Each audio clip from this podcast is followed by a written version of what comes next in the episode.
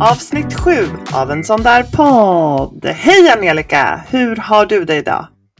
Jag har det bra, äntligen tänkte jag säga. Vet du vad som hände nyss? Nej, vad hände nyss? Det har varit översvämning i våran tvättstuga. Nej, vad hände då? Varför då? Nej. jag vet inte. Jo, det vet jag nu. Men jag fick panik. Jag gick in dit. Jag hade satt på en maskintvätt idag och sen gick jag in dit för att jag skulle göra någonting och så bara såg jag att det var hur mycket vatten som helst på golvet och fick ju panik. Nej men sluta! Jaha, okej, okay. vad hände? Jag stängde av tvättmaskinen fort som tusan och då slutade det så jag förstod ju att det var någonting i avloppet där bak. Eh, så att vi fick plocka bort och styra och hålla på med all skit som man har. Eh, och sen tömma där bakom i själva avloppet som var där. Jätteroligt nöje. Får jag fråga en sak nu? Ja. Ringde du till Rille då så att han fick komma hem eller fixade du det här själv? Jag ringde i panik till honom. Det är översvämning i tvättstugan, kom! Som tur var så skulle han precis komma hem och äta lunch. Så att det var ju bra. Ja, men vilken tur. Och vilken tur att ni kunde fixa det så att det inte var något mer allvarligt. Det där är det värsta som finns ju. Jag vet och jag fick ju paniken och säger ring någon som fixar detta nu. Och Rickard tittar på mig. Nej men alltså vi kan ju i alla fall prova kanske först. och han löste ju det där.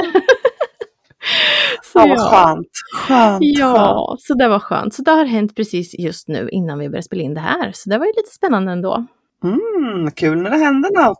Förutom att du precis nu har haft översvämning då, har det hänt något annat i veckan sedan vi pratade sist? Ja, jag har haft PMS utan dess like tänkte jag säga. Eh, men det håller på att gå över nu. Och sen så har vi faktiskt byggt ett nytt vardagsrumsbord. Eller inte vi kanske ska säga. Jag kanske ska säga att det var Rickard. Ja, men det, är inte det här väldigt typiskt att man kommer på saker, man drar igång saker, man är ju världens bästa projektledare och sen så delegerar man bort allting till sina gubbar. Ja men snälla, det är ju så det är. Jag säger att det vore väl lite trevligt om vi gjorde så här. Men jag kommer ju aldrig till skott själv, utan det är ju Rickard som får verkställa liksom. Exakt. För så säger alltid Micke. Jag fattar inte varför du säger att vi ska göra saker när det är jag som ska göra saker. Eller att du har gjort någonting när det är egentligen jag som har gjort det. Så typiskt. Ja, eller hur. Så att eh, där kan de ju få då att vi låter dem göra väldigt mycket åt oss. Men jag tänker också, de ska vara himla glada över det. För vad skulle de göra annars i deras liv? Vad skulle de göra utan oss och alla våra påhitt? Ja, eller hur? Lyxfruarna som har karar som gör allt åt dem, låter det som. Exakt. ja, nej men annars har det varit ganska lugnt annars. Eller så. Vad har hänt hos er sen senast vi pratades vid här? Ja, vad har hänt hos oss egentligen? Det står helt still nu. Eh, har det hänt någonting höll jag på att säga.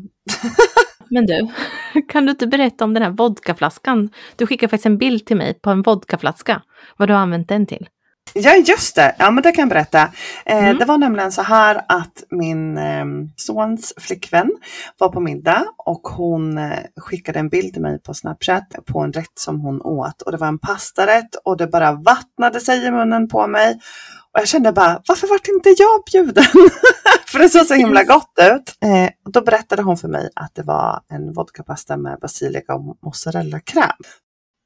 Mm, det var så det gott. Men samtidigt tänkte jag så här, vodka i pasta, är det verkligen gott? Jag fick för mig att det skulle vara starkt och nej, men inte riktigt någonting som jag kanske skulle gilla. Men hon bedyrade att det var så gott så jag var ju tvungen att testa. Så då um, skickade jag min kära make till Systembolaget.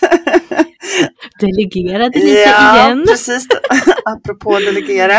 Eh, så han stack ner till Systembolaget och köpte en flaska. Det var därför du fick en bild på den här flaskan av mig. Mm, precis. Jag vart ju så himla nyfiken på det. Jag trodde ju inte att ni skulle ha den i en pastarätt direkt. För att jag hade Nej, inte jag heller. Det här är helt nytt för mig. Däremot så vet ju du att vi ja. brukar göra mat med whisky. Mm, den har jag ju faktiskt ja, till och med så himla smarrigt. Och då tänkte jag så här, ja men då kanske det ändå är ganska gott med vodka i pasta.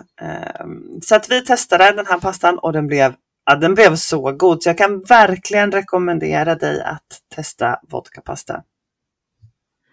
Gud vad mumsigt. Men är det svårt att göra detta? Kan du inte säga lite? Eller är det många ingredienser? Eller ja, liksom, grejen är att den här, rätten, den, här, den här rätten tog bara ja, men typ 15 minuter att göra. Och det man behövde ha det var lök, vitlök, tomatpuré, en burk mutti, ja, vodka då, vispgrädde, rigatoni som är pasta, lite chiliflakes, svartpeppar och honung och lite olivolja.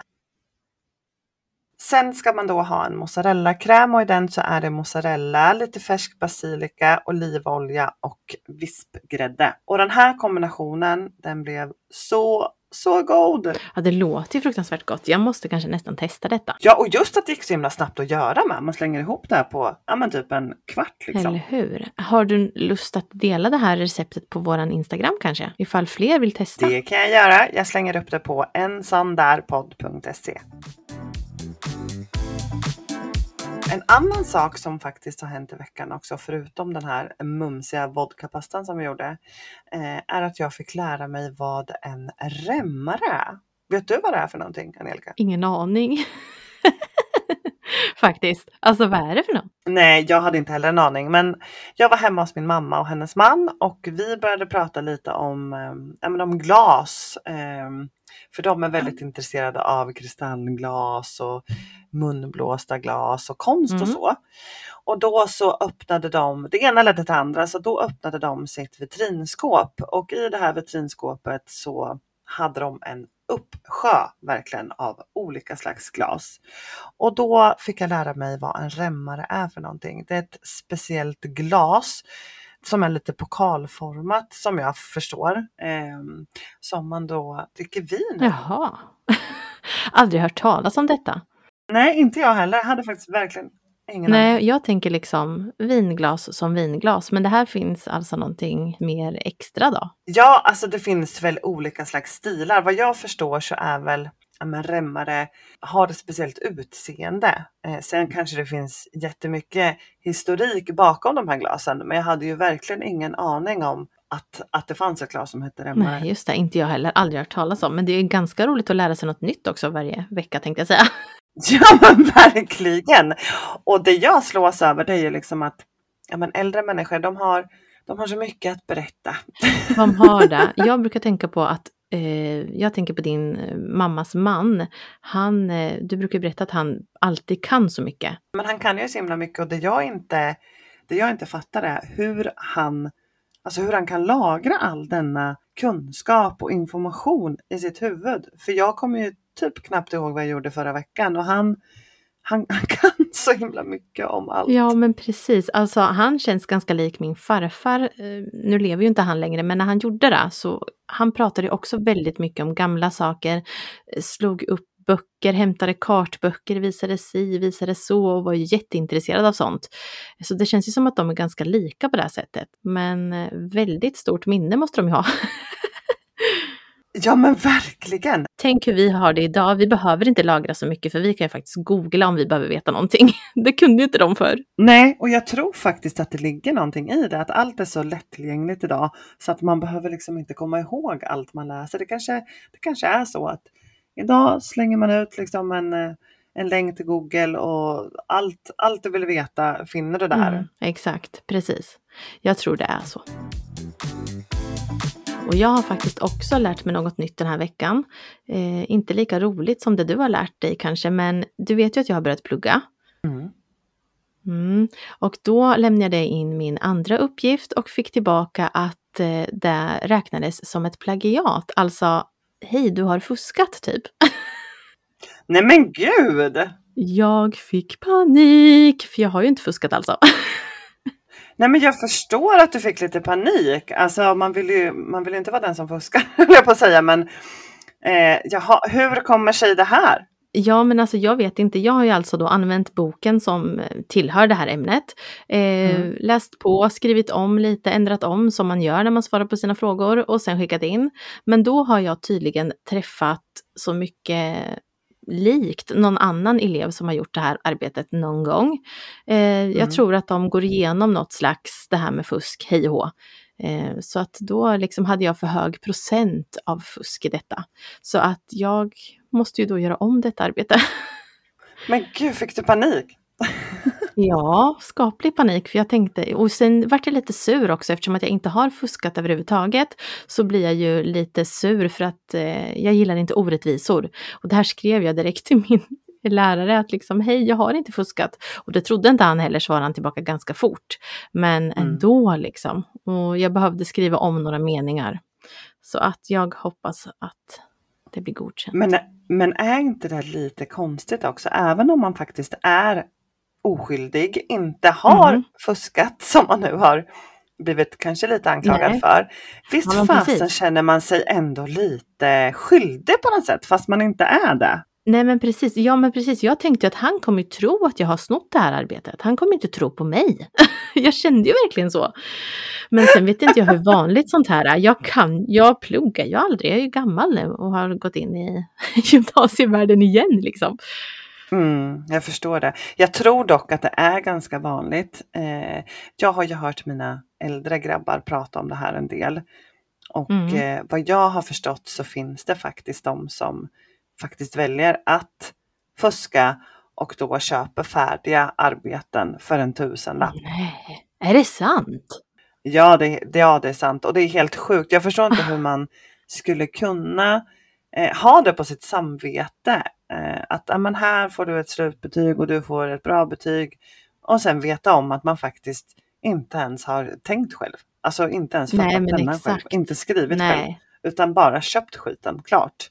Nej men det skulle inte funka. Man skulle ju må så fruktansvärt dåligt ändå i sig själv. Alltså, eller? Ja, personligen skulle jag göra det, men uppenbart så är det ju ganska många människor som, eller många kanske man inte ska säga, men det är ju ändå en del, en viss procent som väljer att faktiskt göra det och det är ju fruktansvärt. Ja, och de kanske kommer åt de procenten då, tänker jag, genom att ha det här systemet som de har, som jag nu har råkat ut för. Dock är det ju sjukt jobbigt när man inte har gjort något fel och man får göra om ändå liksom.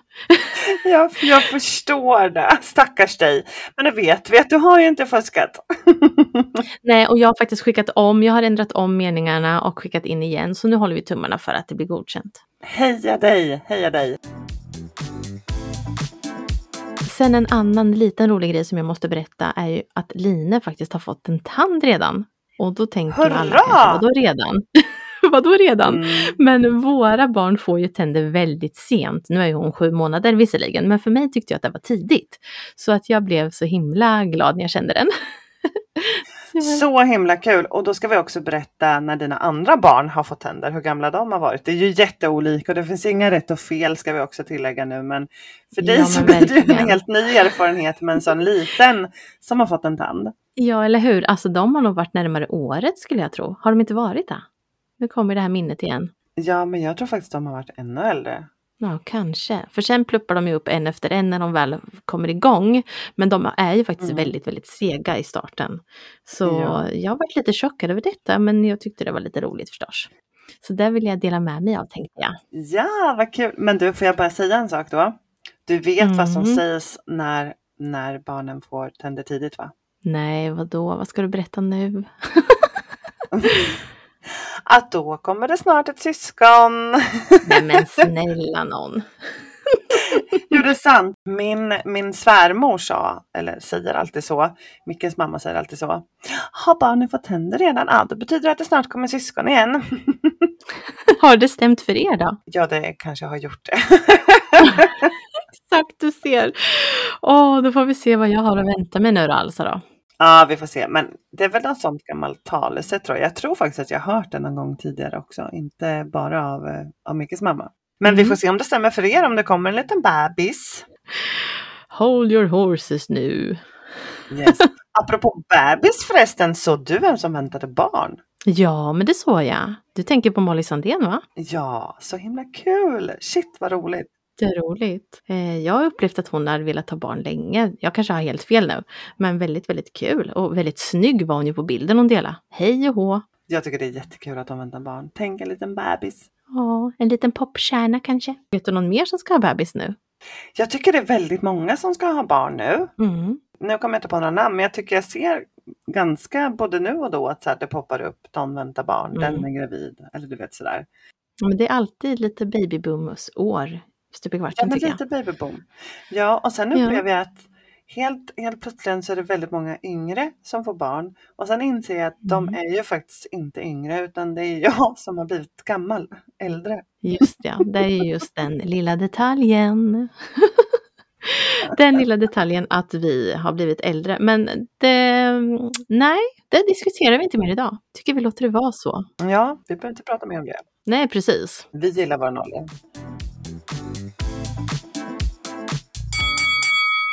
Snabba frågor. Är du redo? Jag är redo. Här kommer fråga nummer ett. Vad anser du är den viktigaste egenskapen hos en vän? Oj, känner du att du vill ha lite komplimanger här nu? Nej, jag tänkte inte att det behövde vara just mig det handlar om. Fast det kan ju handla om mig. Men jag tänker äh, rent generellt. Sådär. Men prata gärna om mig. Nej, jag skojar. Hon är omtänksam. Nej, men så här. En, alltså en bra Mm. vän.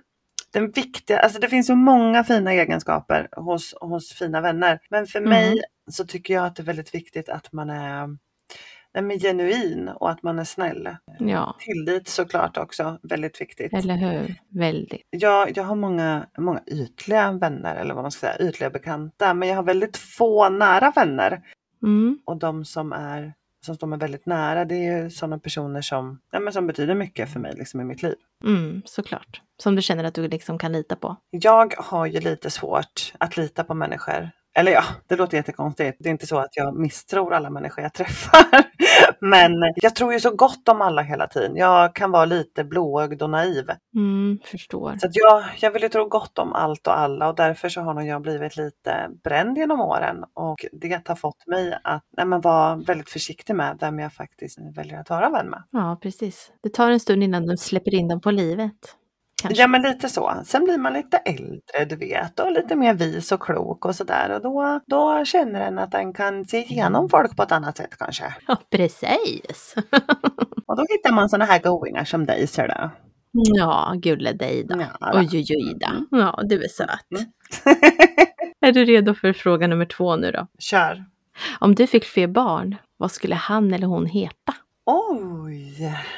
Det här, var, det här var en tuff fråga. Alltså våra minsting nu då, Amadeus, han skulle ju heta någonting annat egentligen. Jag vet ju det. Ja, jag var ju väldigt inställd på att han eh, skulle heta Leo och jag kallade honom för Leo i magen i nio månader. Visst döpte du till och med bilder i din dator till Leo? Ja, herregud, dessa bilder. Det var ju lite Leo. Ja, det var en liten Leo och därför så döpte jag till och med bilderna i datorn till Leo. Mm. Och jag sa ju i flera år innan ja, Amadeus som han nu heter var tilltänkt att om jag får en pojke någon gång i framtiden, vilket jag absolut inte hade tänkt att jag skulle få. Men nu blev det en liten pojke och vi fick ett barn till. Så sa jag så här, ja men då ska han få heta Leo. Jag var så bestämd med det. Ja, men fick du inte med familjen eller vad var det som gjorde nu i slutändan att det faktiskt inte vart en Leo? Jo, men alltså både ja och nej ska jag säga. Eh, en del i familjen tyckte absolut att han skulle heta Leo medan andra inte tyckte det. Och då så ringde faktiskt min eh, näst äldste son Oliver och sa, ja men morsan, du kan få låna mitt namn eller du kan få det namnet för jag har lite fler namn på lager. Så jag har ett jättebra namnförslag som jag tycker du ska använda till lillebror. Mm. Okej, och då berättade han att han tyckte Amadeus var så himla fint och att man då kunde kalla honom för Deus. Det är ju väldigt fint. ja, det är jättegulligt. Och sen så berättade jag det här för de andra hemma och då var det så här, aha, okej, ja, men det var ju lite annorlunda, inte så vanligt. Och sen kände vi lite på det. Och sen vart det bara liksom att ja, men det är ju faktiskt en Amadeus. Ja, men det är det som är så roligt. När man väl bestämmer sig för vilket namn man vill ha så blir det så självklart. Ja, Det är ju faktiskt så, helt sjukt. Men kommer du hålla på detta namn nu då, Leo, till eventuellt den nästa? Eller kommer Amadeus heta Leo i andra namn? Undrar ju jag då. ja, vi har inte riktigt bestämt än ifall han ska heta Leo i andra namn, men kanske det, kanske det. Vi får se. Jag tycker Leo är väldigt fint, verkligen. Det är fint. Hade han varit en tjej, Ja. jag har ju lite så favorittjejnamn också, så tycker jag Adele är väldigt fint. Mm. Bell är fint. Nu har ju vi en Matilda Isabelle för att jag tycker Bell är så fin.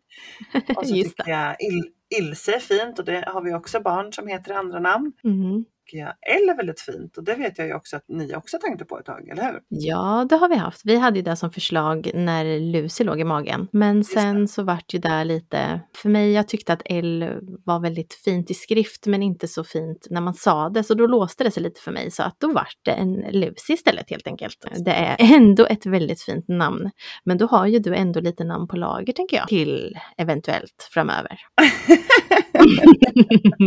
Vill du köra nästa fråga kanske? Kör! Nämn något du är riktigt bra på. Åh, något jag är riktigt bra på. Alltså det är alltid svårt att få frågor om sig själv så här. Det kanske är svårt att välja en. Det kanske var det som var problemet. Om du vill ha. jag är ju så himla bra på mycket då, så jag kan inte välja ut en sak. Nej, men alltid svårt att få frågor om sig själv när man liksom ska höja sig själv. Det där borde man faktiskt träna på mer tror jag. Att höj höja sig själv lite mera. Ja, men ärligt, jag förstår att det är svårt. Jag skulle typ svimma om jag fick den här frågan. Men något måste du komma på. Ja, skulle jag säga någonting som jag verkligen känner att jag är ganska duktig på så skulle det nog vara fotografering. Jag tycker om att fota. Jag tror jag är ganska bra på det. Ja, du är jätteduktig. Du är jätteduktig på det. Tack! Okej, nu kommer då fråga nummer fyra som är näst sista frågan för idag. Vad är det dyraste du har tagit sönder? Det dyraste jag har tagit sönder. Nu ska jag berätta något roligt för dig som du kommer skratta åt. Man kan nästan tro att jag har en förbannelse över mig när det kommer till saker som man ska ta sönder. Jaha, vågar jag bjuda hem dig mer? När jag var liten i alla fall, då hade jag ofta otur med att kanske gå emot något som gick sönder eller tappa någonting. Eller, ja, men rent generellt så hade jag väldigt mycket otur. Jag minns en gång Men då? Ja, stackars mig. Jag minns en gång när min brorsa skulle flytta. Nej, men de höll på att plocka in saker i en släpkärra. Av någon anledning så var jag i den här släpkärran och blev tillsagd att nu står du här och du rör absolut ingenting. Okej, okay? jag står här och rör ingenting. Och av någon konstig anledning så gick bordet sönder eh, som, som de hade burit upp på den här släpkärran. Och jag vet inte hur detta hände, men jag gjorde ju absolut ingenting. Men, du bara stod Ja, där. eller så hade jag lite otur när jag flyttade mig. Det var, det var, inte så att jag visste att jag hade tagit sönder det så, utan det var väl om jag kanske hade gått emot någonting annat som gjorde att det här bordet gick i krasch. Så det var inte så kul. Men lite sådana där saker har förföljt mig genom livet, tyvärr. Det har blivit bättre när jag ja. blivit äldre, när jag kan hålla lite mer ordning och reda på mina kroppsdelar. det är ju bra, det är ju för sig då. Förutom när du är gravid, då, då är du klumpig säger du ju. Ja, då är jag klump. Då kommer det här fenomenet tillbaka. Mm. Mm. Och det är väl ganska vanligt tror jag. Det, det är jag inte själv om. Men jag har ju haft lite otur kan man säga. Berätta om eh, när du var gravid med Ängla-Freja. Ja, där skulle jag inte säga att, att det var klant. Nej, det kanske är mer otur. Ja, jag kunde verkligen inte påverka detta. Men jag svimmade ju när jag var höggravid med Ängla-Freja. Han då inte ta emot mig för det, det kommer ju bara liksom, man hinner ju inte reagera. Och jag hamnade då på min arm och skadade mig så illa att jag blev gipsad från handleden hela vägen upp till axeln. Och det här var då min högerhand och jag är högerhänt, höggravid. Det var ingen kombo kan jag säga. Det var så jobbigt. Usch, fy fasiken. Det förstår jag. Alltså vilken jäkla otur ändå. Ja, jag förstår inte liksom hur jag lyckas. Och det var likadant när jag väntade ja, Oliver. Då um, bodde vi i en lägenhet och vi skulle bygga en uteplats. Från, mm. från våran balkong då så skulle vi, hade vi byggt en, inte vi, utan utan ja, någon annan då hade byggt den här, eller den här trappan ner. Återigen säger vi vi. ja, precis. Fast det inte var så mycket vi. Och då skulle jag gå ner för den här trappan och vi hade inte hunnit sätta upp något trappräcke. Och då säger Olivers pappa att snälla Madde, gå inte där. Du kommer ju säkert ramla ner. För till grejen här att bredvid våran trappa så hade vi en källartrappa så att det var ju väldigt långt ner då. Jag tänkte det, men snälla jag ska inte gå och ramla här. Jag kan väl gå ner för tre trappor trappsteg, kära någon. Men givetvis så av någon anledning då så tappar jag balansen och ramlar då i trappan och ramlar ner i den här ja, källarnedgången. Nej, alltså slog du dig? Ja, det var nog ett fall kanske på tre meter så det var ganska högt. Nej, men snälla! Ja, det var fruktansvärt och den här källarnedgången användes inte. Den var jämnbommad, eh, alltså man kunde inte gå in i dörren. Men trappan ner var trasig. Det låg så här stora stenar längst ner där jag ramlade. Så att det vart ju ganska stor uppståndelse när jag ramlade ner där. Ja, det förstår jag. Tuppade väl av lite grann. Jag landade på sidan på något sätt. Ah, Oliver vart väl liksom skyddad av magen om man säger så. Men eh, Olivers pappa fick ju då, han bar mig upp från den här trappan minns jag och bar mig höggravid in i bilen och bara körde i illfart upp till akuten. Men då bröt du ingenting? Nej, jag bröt ingenting. Jag hade väldigt ont i ett finger kommer jag ihåg. Men eh, jag bröt ingenting. Och det gick ju bra som tur var. Det hade kunnat gå jätteilla. Men ja, så himla klantigt. Så Ja. himla klantigt. Verkligen. Så kan det gå. Mm. Ja, så kan det gå. Herrejösses, vilka... Ja, men för att svara på din fråga vad jag har tagit sönder som har varit dyra så skulle jag Mm. nog säga att jag en gång i tiden råkade ta sönder en dator. Det är inte Mm, billigt. det är faktiskt inte så billigt, hörru du. Nu kommer faktiskt den sista frågan för idag. Okej, kör. Are you ready? I am ready! Yes, om du inte hade jobbat som influencer, Yeah. vad hade du jobbat som då? Om jag inte hade jobbat som influencer och med sociala medier så hade jag nog, alltså jag är ju undersköterska i grund och botten och har jobbat i vården i ganska många år innan jag eh, jobbade, började jobba med det här. Eh, så att jag hade Mm. troligtvis jobbat i vården. Jag hade troligtvis också kanske vidareutbildat mig och ändrat riktning lite eh, och jobbat med barn och ungdomar. Just det. Och jag har ju också påbörjat en annan liten utbildning som socialpedagog. Just för att jag kanske någon gång vill eh, börja jobba med barn och ungdomar. Mm, jag förstår. Du brinner ju faktiskt verkligen för det. Ja, Så det hade passat dig perfekt. ja när, man, när man har barn själv, barn som växer upp, man ser, man ser så mycket i samhället som fallerar och som brister. Och man ser Mm. också hur mycket stöd barn och ungdomar behöver idag och därför så, så känns det helt rätt för mig att kanske börja jobba Mm. inom det någon gång i framtiden. Tack för alla frågor Angelica, det var jättekul och jag fick lära mig lite om mig själv också att jag borde bli kanske lite bättre på att ehm, ge mig själv lite komplimanger ibland. Ja, exakt. Viktigt ändå. Viktigt ändå. Eh, Så det tycker jag att vi ska tänka på allihopa. Faktiskt. Ja, men man borde nog göra det. Det här ska vi prata mer om. Jag tror faktiskt att vi eh, får avsätta ett helt program för själv, självutveckling. Mm, det tycker jag låter som en bra idé. Nu ändrar vi fokus i podden och ska prata om något som berört väldigt många. Pojken Tintins öde har skakat om en hel nation, men det fruktansvärda fallet med ett dödat barn kan tyvärr inte betraktas som en enskild händelse. Vi kan väl lyssna på en nyhetsslinga från Expressen. Tintin misstänks ha mördats av sin egen pappa under faderns umgängesrätt. Fallet har väckt stort engagemang och satt ett politiskt fokus på frågan om att ändra lagen och stärka barns rättigheter, ett lex Tintin. Och med anledning av detta så har vi bjudit in Ulrika Wangle. Välkommen Ulrika! Tack så mycket. Tack för att jag får komma och gästa er. Vill du berätta lite om dig själv och berätta vad du gör? Ja, men jag är advokat och jag jobbar mestadels med att eh, inom humanjuridiken, alltså att jag håller på att processa mycket inom brottmål, eh, inom familjerättsliga och socialrättsliga mål. Och det här innebär att jag många gånger och mestadels företräder också många barn som utsätts för hot och våld och andra övergrepp. Så att eh, ibland så brukar jag säga ändå att jag är specialiserad på att företräda barn. Just det. Ska vi prata om det här om eh, Lex Tintin? Vad är det man vill eh, göra för förändring? Ja, men det är precis som ni sa inledningsvis. Det här är ju ett oerhört tragiskt eh, öde där det faktiskt eh, har gått så pass långt och det som har hänt inte får hända. Det är ju en åttaårig Mm. pojke som har mist livet i samband med att han har uttalat faktiskt att han inte vill träffa sin pappa. Det har varit en riktigt allvarlig händelse där han har blivit utsatt och bevittnat eh, Mm. hot från eh, pappan mot mamman och utifrån det så har han uttryckt att han inte vill. Men sen har det blivit ett umgänge med en pappa och i samband med det här umgänget så misstänks nu pappan för att ha mördat Tintin. Mm. Eh, och Lex Tintin som nu de anhöriga har kommit fram med är ju för att man vill stärka barnens rättigheter. Att man inte då ska försöka tvinga barn till ett umgänge när de faktiskt har uttryckt att de inte vill träffa en förälder. Ja, men precis. Men vad är det som gör, vad är det som brister i samhället här? Att det liksom blir så här, att de blir tvingade?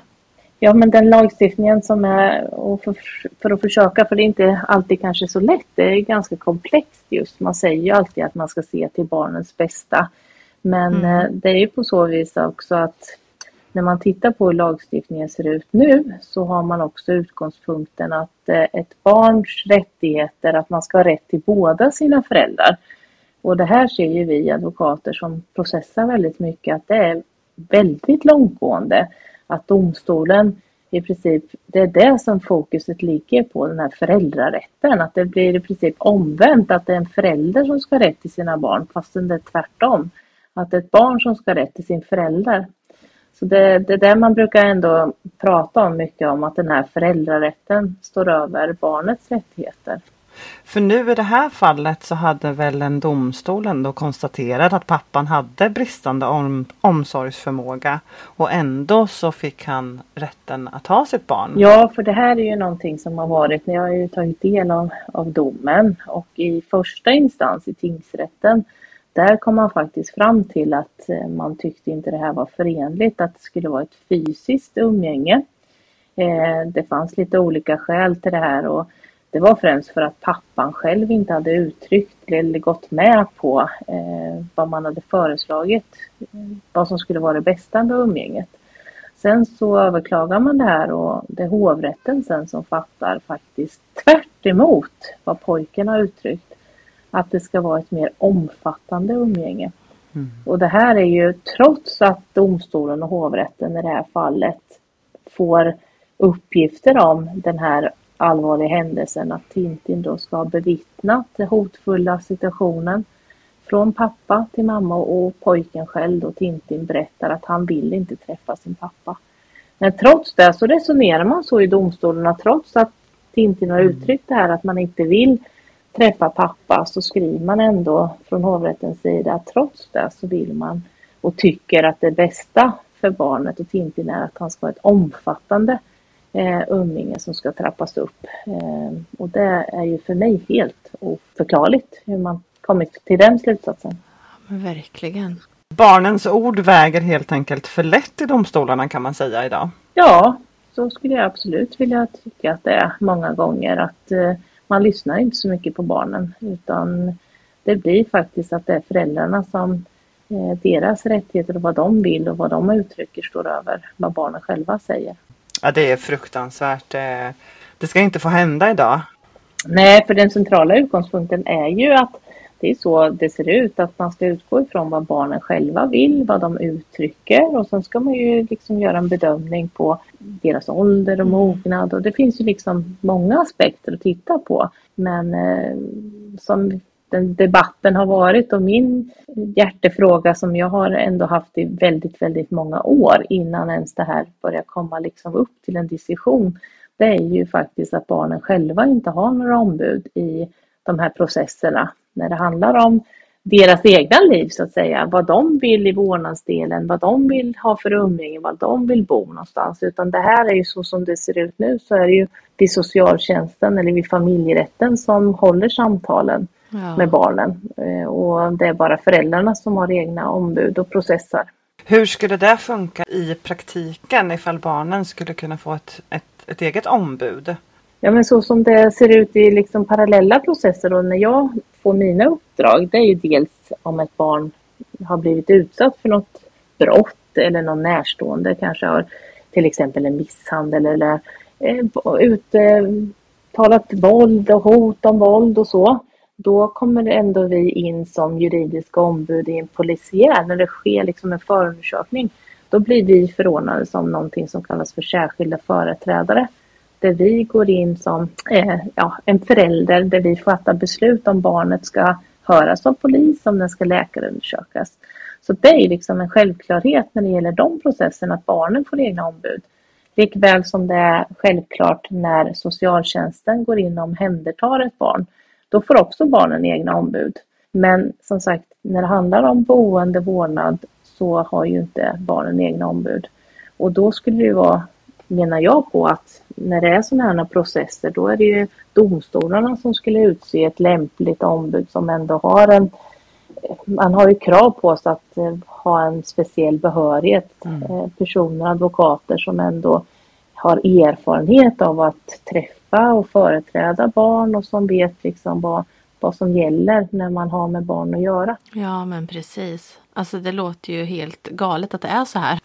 Ja, och det är ju väldigt märkligt att barn just när det handlar om det här eh, inte har egna ombud. Det har ju varit liksom uppe till en diskussion eh, och varit lite kritiserat att barn ska inte dras in i föräldrakonflikten. Det är ju ungefär den liksom, argumentet man har för att barnen inte själva ska ha några egna ombud i just de här processerna. Men det tycker jag är helt felaktigt tänk eller resonemang för att barnen dras ju, om man nu uttrycker det så, dras ju ändå in i det här i och med att det är socialtjänsten som håller samtal. Så de blir ju ändå medvetna om att det pågår en process och de ska komma till tals.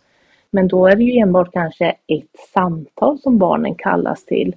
Och sen varierar det ju också med kompetens när det gäller handläggarna vid socialtjänst. Vad de har för erfarenhet, vad de vet, hur de kan ställa frågor. För det är oerhört av största vikt liksom, hur man formulerar frågor till barn. Man ska ju inte liksom ha, som vi säger, inte ska vara några ledande frågor utan man ska formulera öppna frågor så att man, barnen själva får berätta. Mm.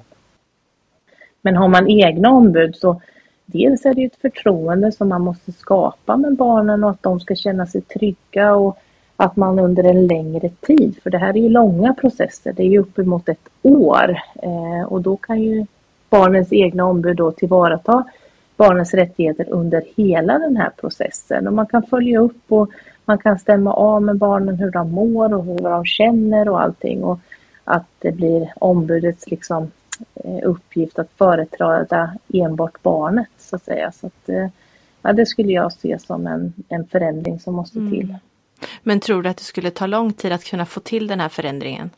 Ja, nu har det ju kommit en ny utredning från liksom, sedan förra regeringen har lagt fram ett förslag och den kom förra veckan eh, som många tror jag ser som en stor besvikelse. Man liksom skrapar lite på ytan, man djupdyker inte, det är inget krav på liksom egna ombud i den bemärkelsen.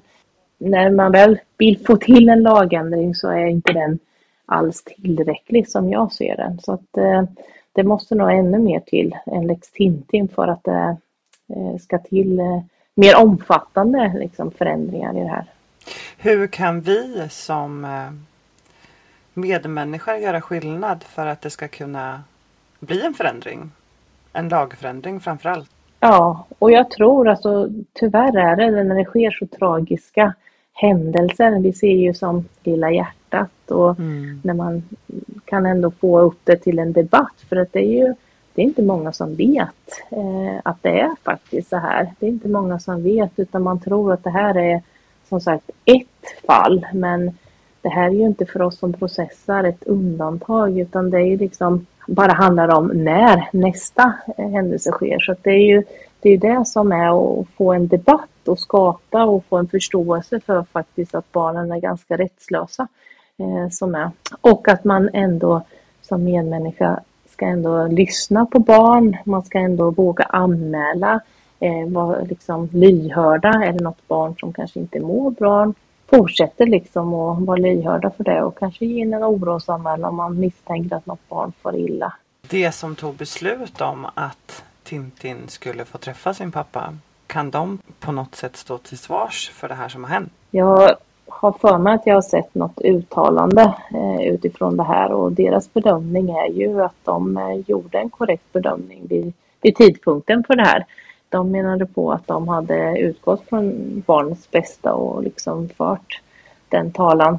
Så att det, det är väl utgångspunkten och, och utifrån att domen kom så har de ju resonerat ifrån vad de tycker var barnets bästa. Eh, Jag delar inte den uppfattningen och det är väl klart att i och med att det blir en, en sån här tragisk utgång så kan man ju också ifrågasätta. Sen är det ju så att det behöver mycket till som jag ser att domstolarna har ju liksom att göra en bedömning. Vad är barnets bästa och så som Mm. lagstiftningen ser ut nu att man ändå ska utgå ifrån att barnet ska ha rätt till båda sina föräldrar. Men här tycker jag det blir så väldigt tydligt när ett barn där polis får tillkallas i det samband med det här. Mm. Polisen ringer till sociala jouren och säger vad ska vi göra? Barnet är ju ledsen, skriker eller uttrycker att man inte, i det här fallet då, inte vill träffa pappa. Och sociala jouren säger att det finns en dom, vi kan inte göra någonting. Här tycker jag ju ändå kanske att socialjouren måste gå in och gripa in kanske och mm. få någon mer behörighet för att kunna fatta ett beslut. Så ser inte lagstiftningen ut utan är det så att den andra föräldern ändå har, kan skydda barnet tänker man och liksom tillvarata det skyddsansvaret så kan inte socialtjänsten gå in heller utan då är det en ny process eh, just när det gäller umgänget som bör ske eh, och måste till för att få en förändring. Det känns ju lite som att man får jobba med bakbundna händer just i det här. Lite moment 22 i det hela. Ja. För jag kan känna om ett barn uttryckligen visar att det inte vill vara på sin förälder. Om man dessutom har grund för att misstänka att någonting skulle kunna hända med tanke på vad domstolen tidigare har sagt om den här pappan så känns det ju väldigt konstigt att någon över detta skulle kunna döma till ett umgänge helt plötsligen. För mig så lyser ju varenda lampa röd.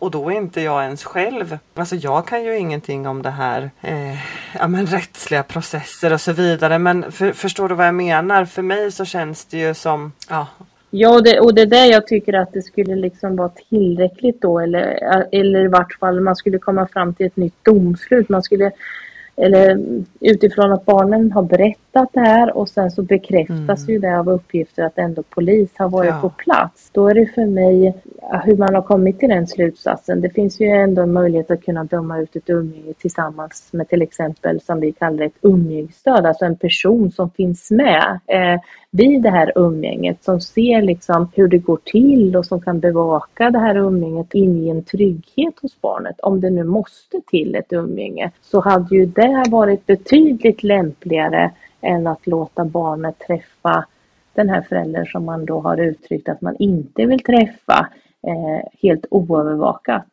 Eh, och det är där jag ser att det kan ju finnas flera utgångar som blir så pass tragiska om man inte lyssnar på barnet eller fattar sig liksom mer underlag till, gör en hot och riskbedömning. Vad ska krävas mer?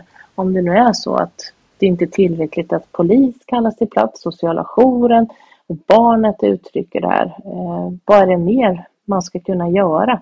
Det är det jag menar också att det är så mycket som blir så rött här så att man ja. Det är helt fruktansvärt att, att det kan gå så här långt och att det måste hända. Ja, och det är väl precis som jag och många av mina advokatkollegor menar på att man inte riktigt tar det här på allvar. Alltså utan domstolarna tar inte, ser inte riktigt eh, det allvarliga i det utan finns det till exempel inte någon som är dömd för brott mot barnet, då är det inte tillräckligt att barnet ger uttryck för det här utan det blir inte på samma allvar. Jag menar ändå på att man måste ta det här på allvar när barnet uttrycker att man kanske har varit utsatt för någonting. Det, är ju, det finns ju någonting som gör att barnen uttrycker på det här viset och att komma och säga att den andra föräldern hela tiden påverkar föräldrarna det är ju inte hela sanningen utan då måste det liksom påverkas extremt mycket under en längre tid. För är det ett barn som kan berätta ganska detaljerat och allting så måste man ju ändå lyssna på det och utreda och kanske komma fram till något annat förslag i alla fall som gör att trygga barnet. Verkligen. Det känns ju som att de gör det så svårt för sig hela tiden. Det borde ju kunna vara, alltså inte enklare men än att det måste finnas domar hela tiden. Förstår du vad jag menar? Ja, och jag menar barn är barn. De gör ju allt vad de kan. De är ju modiga att, att ens kanske våga berätta för någon. Det är ju ett oerhört stort steg liksom med tanke på att de är väldigt lojala ja, mot sina föräldrar. Så har man ens tagit det modet till sig att berätta för någon person så måste man ju lyssna på det och se ändå till det allvaret och inte bara blunda för det. Man ser verkligen det här att, att vuxna har väldigt mycket fokus på och lyssna på de vuxna och inte så mycket på vad barn uttrycker. Mm. Och sen att man inte har så mycket kunskap av för att våld behöver ju inte bara innebära att dess fysiskt våld, att man slår ett barn, utan det här handlar ju om att man eh, hotar ett barn eller kanske materiellt våld, att man säger så här att gör inte du det här, då kommer jag ju kanske ta sönder din mobil eller jag kommer eh, säga det här eller eh, så att det finns så mycket, det är så brett det här när vi talar om våld och där tror jag det brister om man inte har den här erfarenheten. Utan det är så som vi också har pratat om advokater, att vi vill ju se mer specialiserade domstolar med avdelningar där man kanske i princip enbart sitter och tar beslut eh, om de här målen när det handlar om barn. Ja, när det rör barn så blir det helt plötsligt någonting annat. Eh, och precis som du säger att det kanske är bra om det finns speciellt utbildade personer som har mer erfarenhet kring hur barn fungerar också i de här situationerna. Ja men precis, för det, så ställs det kraven när vi advokater ändå ska företräda barn så måste vi ändå ha en behörighet eller lämplighet eh, som, som gör att vi ska företräda barn. Eh, när vi är klara jurister så att säga så, så ställs det krav på att vi måste eh, ha erfarenhet innan vi börjar processa och får den här, kunna företräda barn. Så att det är ju en kompetenshöjning och en nivå som man skulle vilja se i hela rättsväsendet. Likväl som utredare inom polisen har särskilda eh, utbildningar för att ens ha de här barnsamtalen. Eh, så där menar jag ändå på att det skulle ju vara liknande i alla eh, olika delar av rättsväsendet, i domstolar likväl som som sagt inom polis, inom åklageriet och även eh, inom advokatdelarna. Men det är där du tycker det brister alltså? Ja, nej men dels, dels tycker jag att man måste höja kompetensen inom domstolarna. Eh, men också för att de ska få möjlighet att kunna uttrycka sin egen vilja och ha någon som lyssnar på dem över tid så är, måste det ske också att de ska få egna ombud.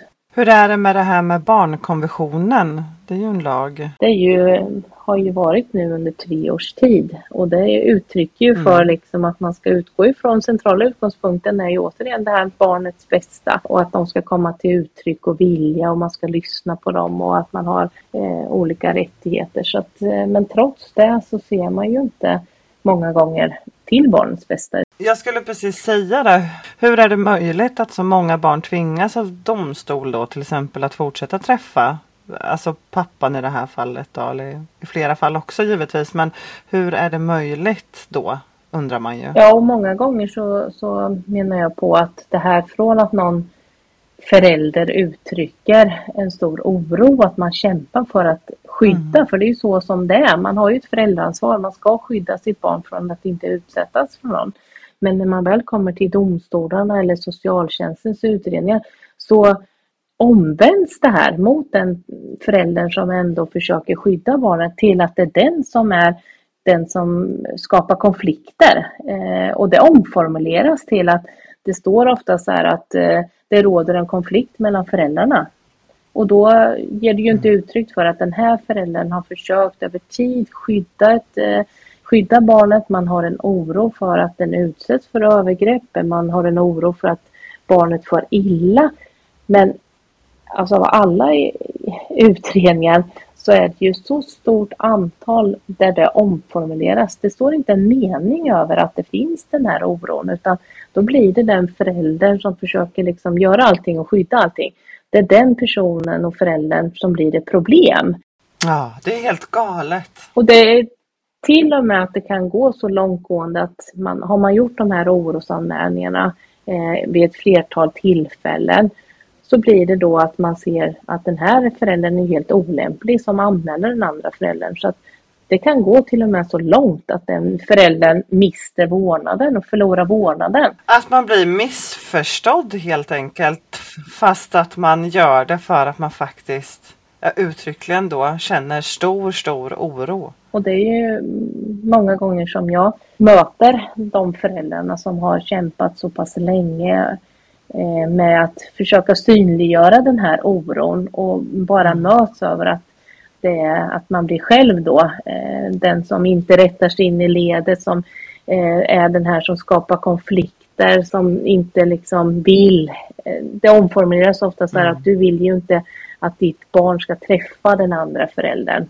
Och det handlar inte om det utan det handlar ju om att man har en oro. Och många gånger så tycker jag inte man ser den här eller man tar den här oron utan man blir att ja du vill väl bara helst av allt att eh, liksom kapa av den andra föräldern från ditt barn. Och det, det tycker jag är jag förstår när man uttrycker att det är sån orättvisa och att man till slut inte längre orkar kämpa för att allting som man säger vänds emot en. Och det är många modiga föräldrar som ändå trots det eh, försöker göra vad man ska göra att skydda sitt barn. Eh, men får inget gehör för det här. Sen är det väl också precis som du nämnde lite tidigare också Ulrika att barn är ju väldigt lojala till sina föräldrar trots då att det har hänt saker. För att det är ju ändå deras mamma och det är ändå deras pappa.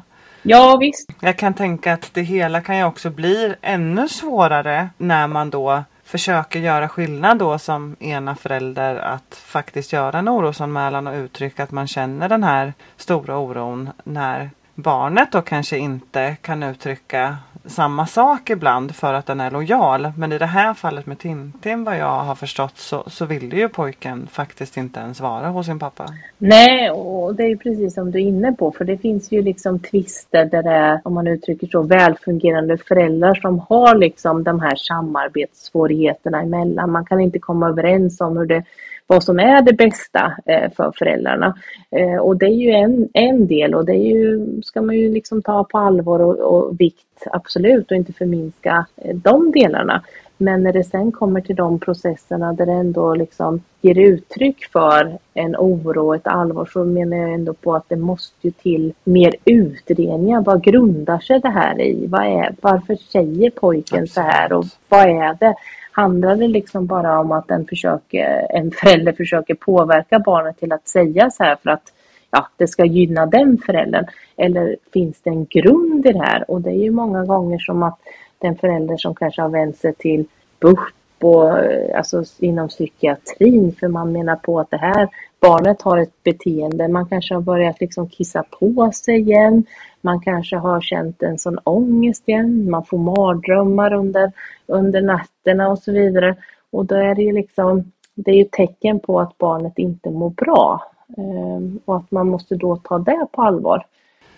Man blir väldigt illa berörd när man, eh, bara man pratar om det här, eh, ännu mer tragiskt och fruktansvärt för den här familjen som har fått behöva gå igenom det här fruktansvärda.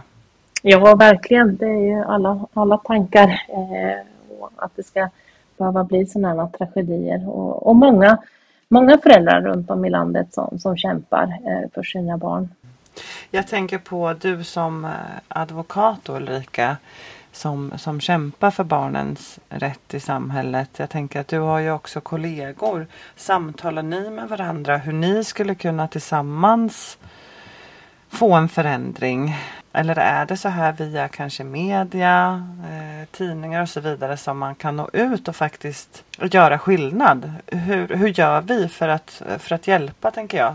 Ja, men det är ju som sagt så. Jag har ju med många kollegor eh, som man nu också har hört på olika medier som har gått ut och ger samma bild över att det faktiskt är så här att man lämnar rättssalarna med den här djupa i princip oron över att någonting ska hända. Så att det är klart att det har ju varit så över en tid och det är därför vi är många av, av som företräder barn som har på något sätt försökt att hitta ett samarbete och försöka nå ut för att visa på att det här är inte bara en kollega som har den här uppfattningen utan så är det ju oftast att när man träffas och vi har ju vi har ju krav på oss också att vidareutbilda oss och då är det många gånger som man eh, pratar och diskuterar och utbyter erfarenheter eh, utifrån den möjligheten som vi har liksom utifrån sekretesser så. Men eh, där man ändå får en samsyn och det har ju lyfts nu under den här debatten när den har kommit upp att det är så många kollegor som, som ger faktiskt den här synen. Men som sagt, få upp den här diskussionen till den högsta nivån som vi ser och det är ju med hjälp av att diskutera och, och öppnar upp för att faktiskt media får belysa det här. Eh, och det är väl en, en del i det för att nu ser vi att nu är det ministrar som är uppe och liksom uttalar sig. Vi ser Barnombudsmannen eh, uttalar sig. Eh, så att det är ju på den nivån som måste till för och det är ju tack vare ska man väl ändå säga som media belyser det här och visar på det som, som man hoppas ändå att det får genomslag och att det sker en förändring. För att många gånger så pratar man ju så mycket om och att det ska till lagförändringar. Eh, Men nu, är, nu måste det till. Det, liksom, det handlar inte om att det ska utan nu vill man se konkret exempel på att det här måste ändras.